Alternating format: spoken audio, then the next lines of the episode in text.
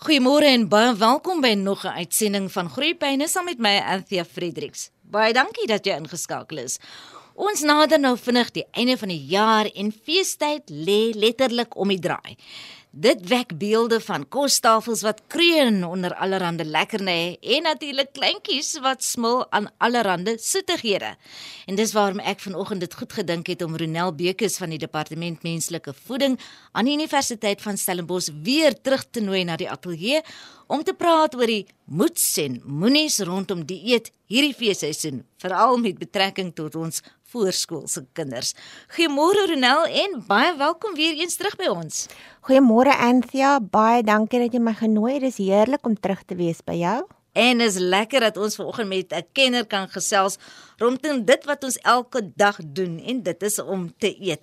Maar voordat ons daaroor praat Ronel, ek het onlangs 'n brief gekry van 'n Catherine en ek wil graag hê jy moet vir ons antwoord eerstens op hierdie brief Ronel. Catherine skryf Ek het graag 'n vraag ten opsigte van voeding. My dogtertjie is nou 19 maande en drink formulemelk van 2 maande af uit 'n bottel.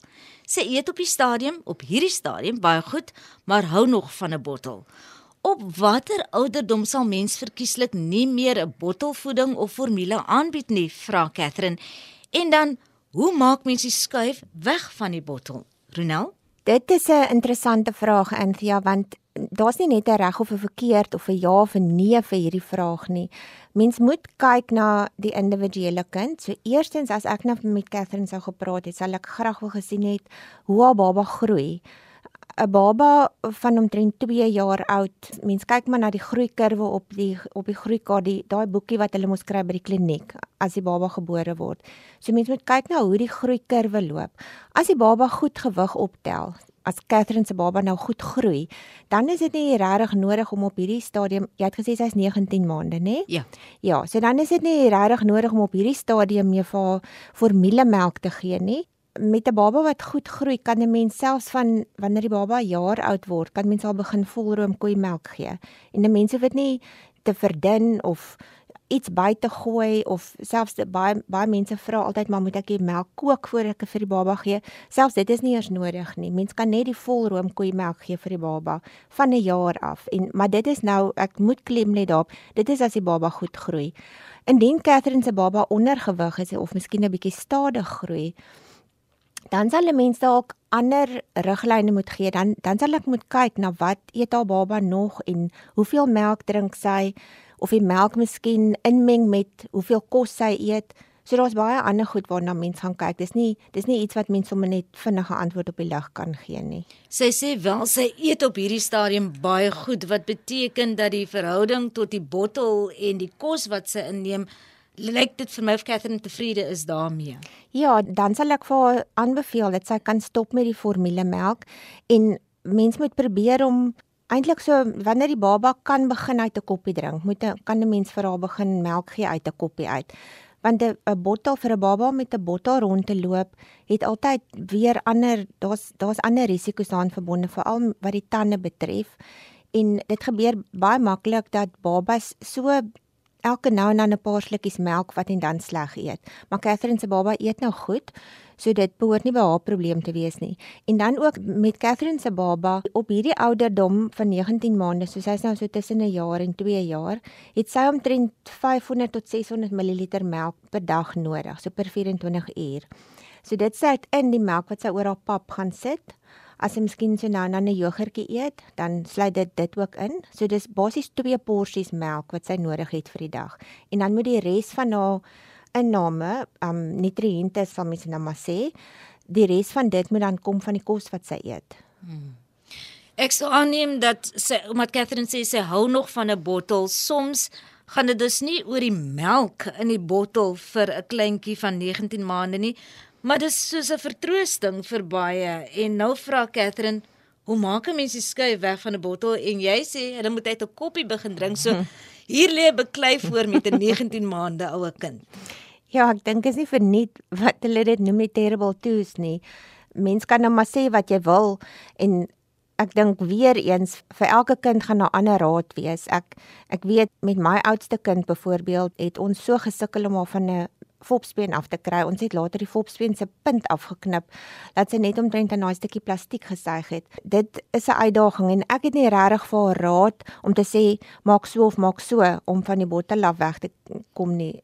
Ek dink tog wat mens kan aanbeveel is om as jy die besluit gaan maak om die bottel weg te vat, om hom weg te vat en hom nie in te gee nie. Want elke keer as jy ingee, die kind gaan agterkom dat sekere gedrag gaan beloon word met 'n bottel. So dit is 'n dit is definitief 'n uitdaging en en ek kan net vir haar voorspoed sê. Hmm. Miskien moet sy die pad saam met iemand stap wat vir haar hierdeur kan lei en ja, dis moeilik om so iets sommer net oor die radio raad te gee. Absoluut. Miskien eers 'n voedingsbeker en dan daarna 'n koppie probeer. En probeer probeer is die beste geweer. Vanoggend is dit nou maar my stukkie raad ook saam met dit wat Ronel gesê het. Ronel, kom ons praat net so ter afsluiting oor hierdie onderwerp en bottelvoeding.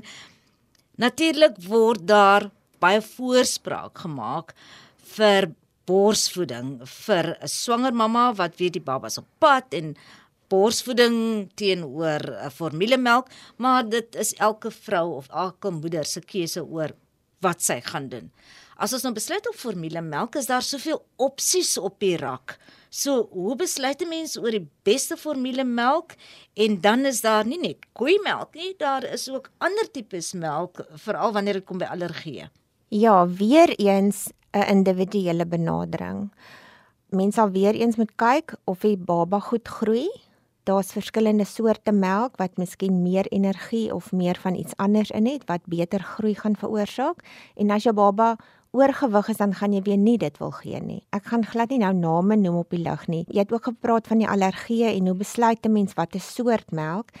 Gewoonlik is dit as 'n kind allergies is vir koeimelk, dan sal hulle ook allergies wees vir bokmelk en en die kans is baie groot dat hulle ook allergies vir soja gaan wees. Want dit waarvoor mense allergies is, mense noem dit 'n allergeen en dit is 'n proteïen. So dit is die proteïen in koeimelk waarvoor hulle allergies is en die proteïen in bokmelk. Soja is ook een van die bekende allergene. So baie mense beveel aan as jou kind allergies is vir koeimelk dat jy sojamelk moet probeer. Wat kan werk, maar dis nie 'n gegewe nie. Neute ook heel dikwels, so peanuts of grondboontjies en eiers daai is die bekende allergene. So maar maar mense moet ook onthou dat daar's weinig kinders wat eintlik allergies is daarvoor. So mense moet nie onmiddellik net besluit as as my kind miskien nou 'n bietjie suur het of 'n bietjie winderig is van koeimelk dat dit 'n allergie is nie. Onthou ook dat die meeste baba formules Die gewone baba formules, die bekendstes wat ons in die rakke op die rakke sien, is van koeimelk gemaak. So dit dit is maar die eerste probeerslag as daar 'n vorm van 'n intoleransie is, dan kan 'n mens gaan vir iets anders. Maar dit dink ek mense moenie van die begin af net besluit jy gaan sojamelk gee vir ingeval jou kind allergies gaan wees nie. En so gesels Ronel Bekes vanoggend my gas. Ronel, nou moet ons wegbeweeg van dit wat te doen het met babas en borsvoeding of formulemelk want ons eintlike gesprek handel vanoggend oor feestyd wat om die draai is. En ons was dalk nou heel jaar baie gehoorsaam en baie waaksaam oor watter kos ons aan ons klein goed voorsit. Maar dis nou feestyd en wat nou van al die versoekings wat op ons wag? Ek is baie lief vir eet en dit is 'n groot deel van my lewe en van enigiemand se lewe. Ons moet elke dag eet. Maar een van my leses is om nie my energie te drink nie dit klink nou baie interessant. Dit kom basies daarop neer dat wanneer ek iets drink, dat ek nie byvoorbeeld suiker ingooi nie of probeer om suikervrye iets te gebruik. Miskien hier en daar 'n glasie wyn wat wel energie bevat. Maar ek dink 'n mens kan dieselfde beginsel vir kinders ook probeer leer. En 'n goeie begin is om vir hulle te leer om water te drink dan gaan mense miskien sê maar wat van 'n bietjie rooibos tee in die water en miskien 'n lepeltjie suiker of 'n lepeltjie heuning. Onthou as 'n kind nie dit gewoond is nie, as 'n kind nie die smaak gewoond is nie, dan gaan hulle nie uit hulle eie vir jou sê mamma ek wil bietjie heuning in my tee hê nie. Dit is iets wat aangeleer word. En as 'n mens wel voel dat jy kom jou kind te nader nie vir jou kind koeldrank of vrugtesap of iets soet te gee nie, dan kan 'n mens altyd vars water gebruik of kraanwater of yskaswater maak nie saak nie. Vars water en vars vrugte daarin sit. Jy kan dit geur met arbeie byvoorbeeld of skyfies komkommer of mintblare, suurlemoen, pineappel, lemoen. Mens kan enige vrugte in water sit en dit gaan 'n geur aan die water sit. So as jy graag jou kind wil bederf, dan kan 'n mens dit doen en dit is ook iets wat prettig is om te doen.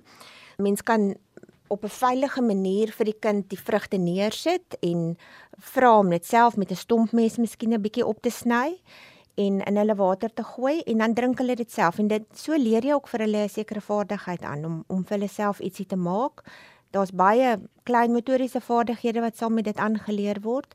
Hulle kan kleure leer onderskei. So so dit is terselfdertyd 'n leerervaring want ek weet as dit vakansietyd raak dan weet 'n mens behalwe vir al die versoekings wat wat mens kry om te eet, is daar ook baie versoekings oor wat gaan ek doen met my kind en nie my kind net voor die TV neersit nie. So laat hulle ietsie prakties doen.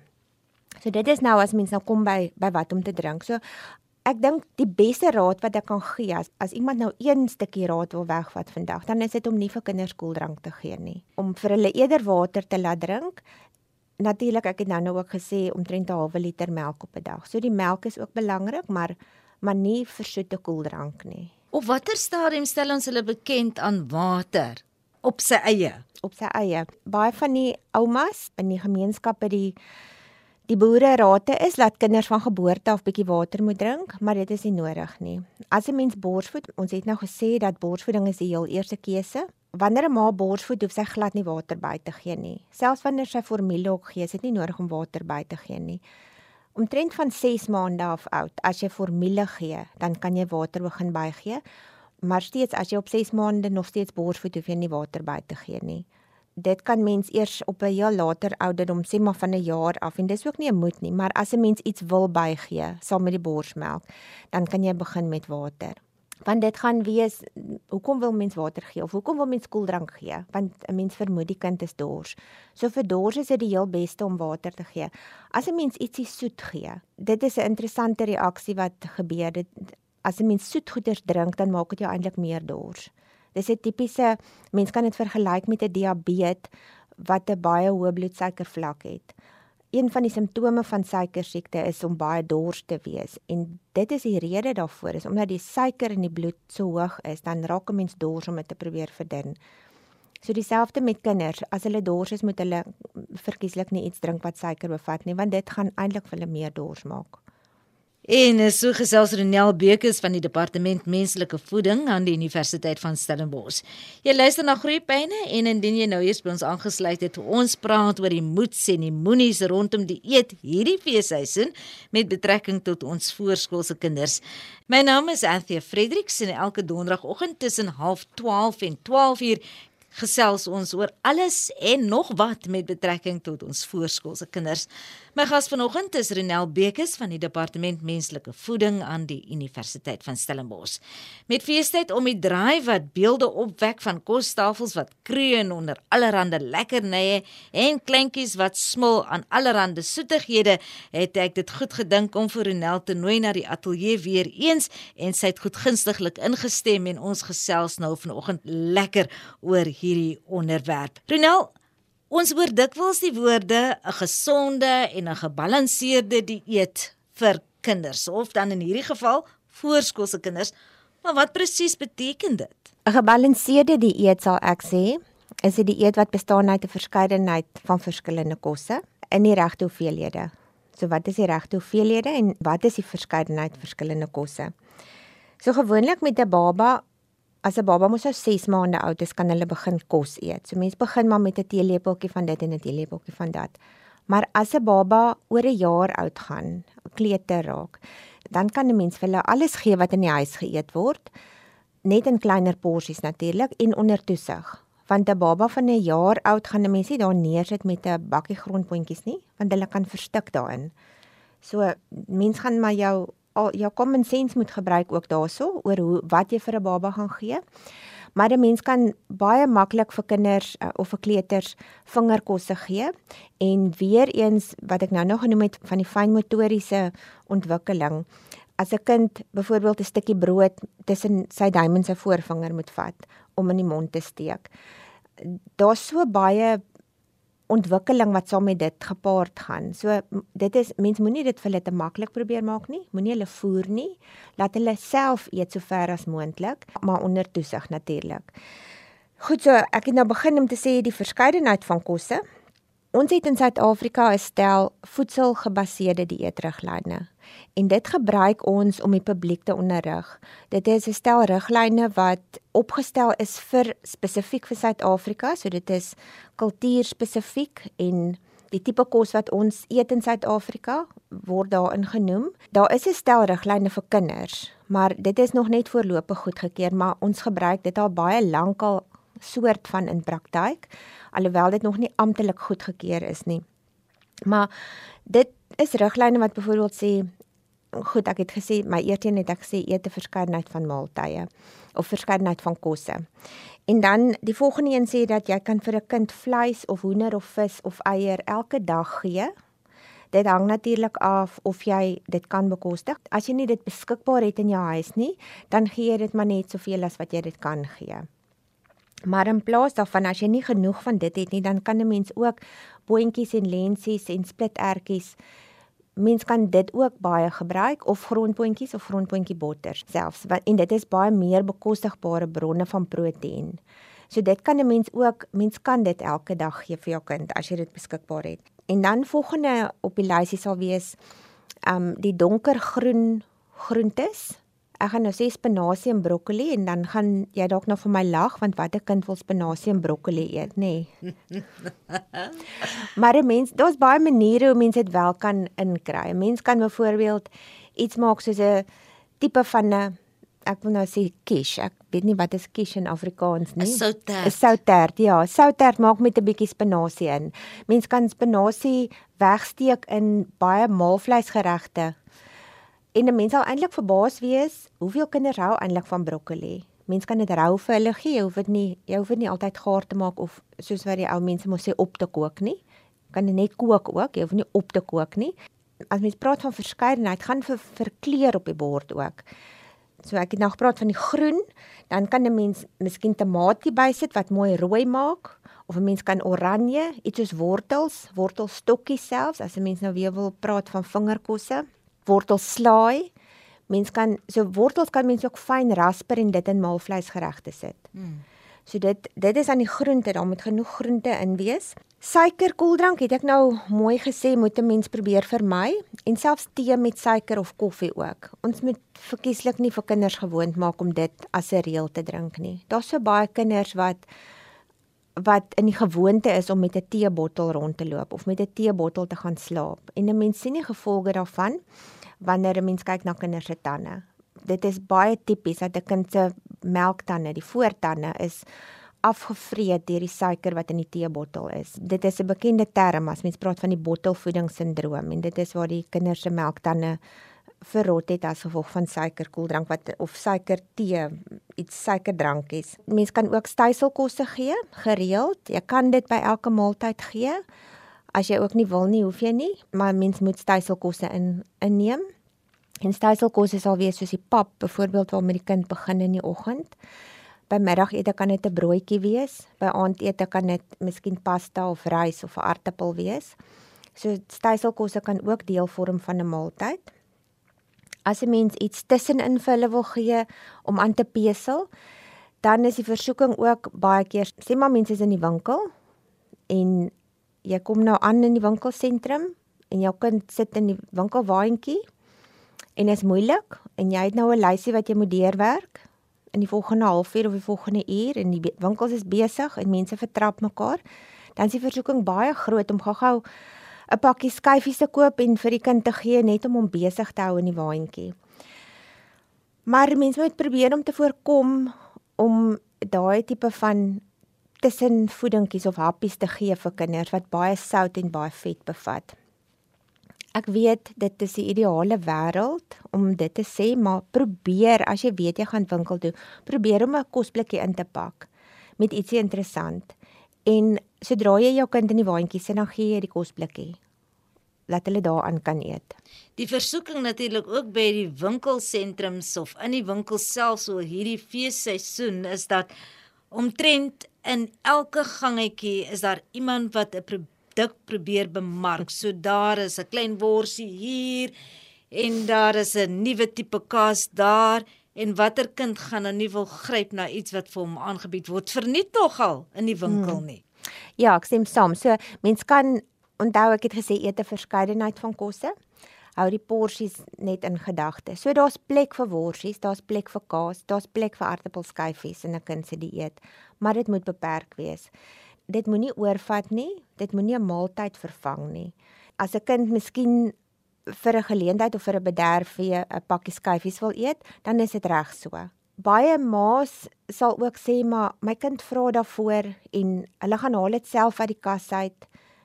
En dan is dit baie keer baie oulik want my kind weet hoe om die kas oop te maak en hulle kan hulle self help. So mense is half trots daarop, maar jy weet eintlik dit is nie die regte ding om te doen nie. So ek sal sê in so 'n geval sit daai goeders buite bereik vir die kind. Moenie dat die kind weet dat dit beskikbaar is nie. Sit dit in 'n ander kas wat hulle nie kan bykom nie of anders moet dit net nie in die huis wees nie. En regtig net gekoop word met 'n geleentheid en en die kind moet weet dat dit is eintlik 'n bederf. En so gesels my gas vanoggend Renel Bekes van die Departement Menslike Voeding aan die Universiteit van Stellenbosch. Dis amper feestyd en dit beteken ons moet nou kyk na die dieet veral van ons voorskoolse kinders en moet ons die reëls hoe genaamd buig kan ons dit buig oor hierdie feesseisoen en so bietjie bederf toelaat en Ronel gee vir ons vanoggend so 'n paar riglyne daaroor. Maar Ronel, ons moet groet. Die tyd het ons ingehaal en dit beteken volgende week sit ons twee hierdie gesprek voort want daar is nog baie te sê oor hierdie onderwerp. Sjoe, ek kan nie glo ek knip my nou hier kort nie, maar dis reg so. Ek gaan volgende week verder praat met jou. en dan, dankie. Baie dankie Ronel want ek dink ons gaan volgende week optel by waar jy geëindig het en dan sê maar ons het nou bepaalde reëls en wat is toelaatbaar en wat is nie, maar oor die feesseisoen kom allerlei familie bymekaar, familie wat jy lanklaas gesien het, oumas en oupas en hulle deel nie noodwendig die riglyne wat ons in ons huis volg nie. So hoe dan gemaak? Bly daarvoor ingeskakel volgende week donderdag tussen 12:30 en 12:00 vir nog 'n uitsending van Groeipyne dan gesels ek en Ronel Bekes van die departement van menslike voeding aan die Universiteit van Stellenbosch verder. Onthou dis jou afspraak van my kant af Anthea Fredericks tot dan. Mooi bly.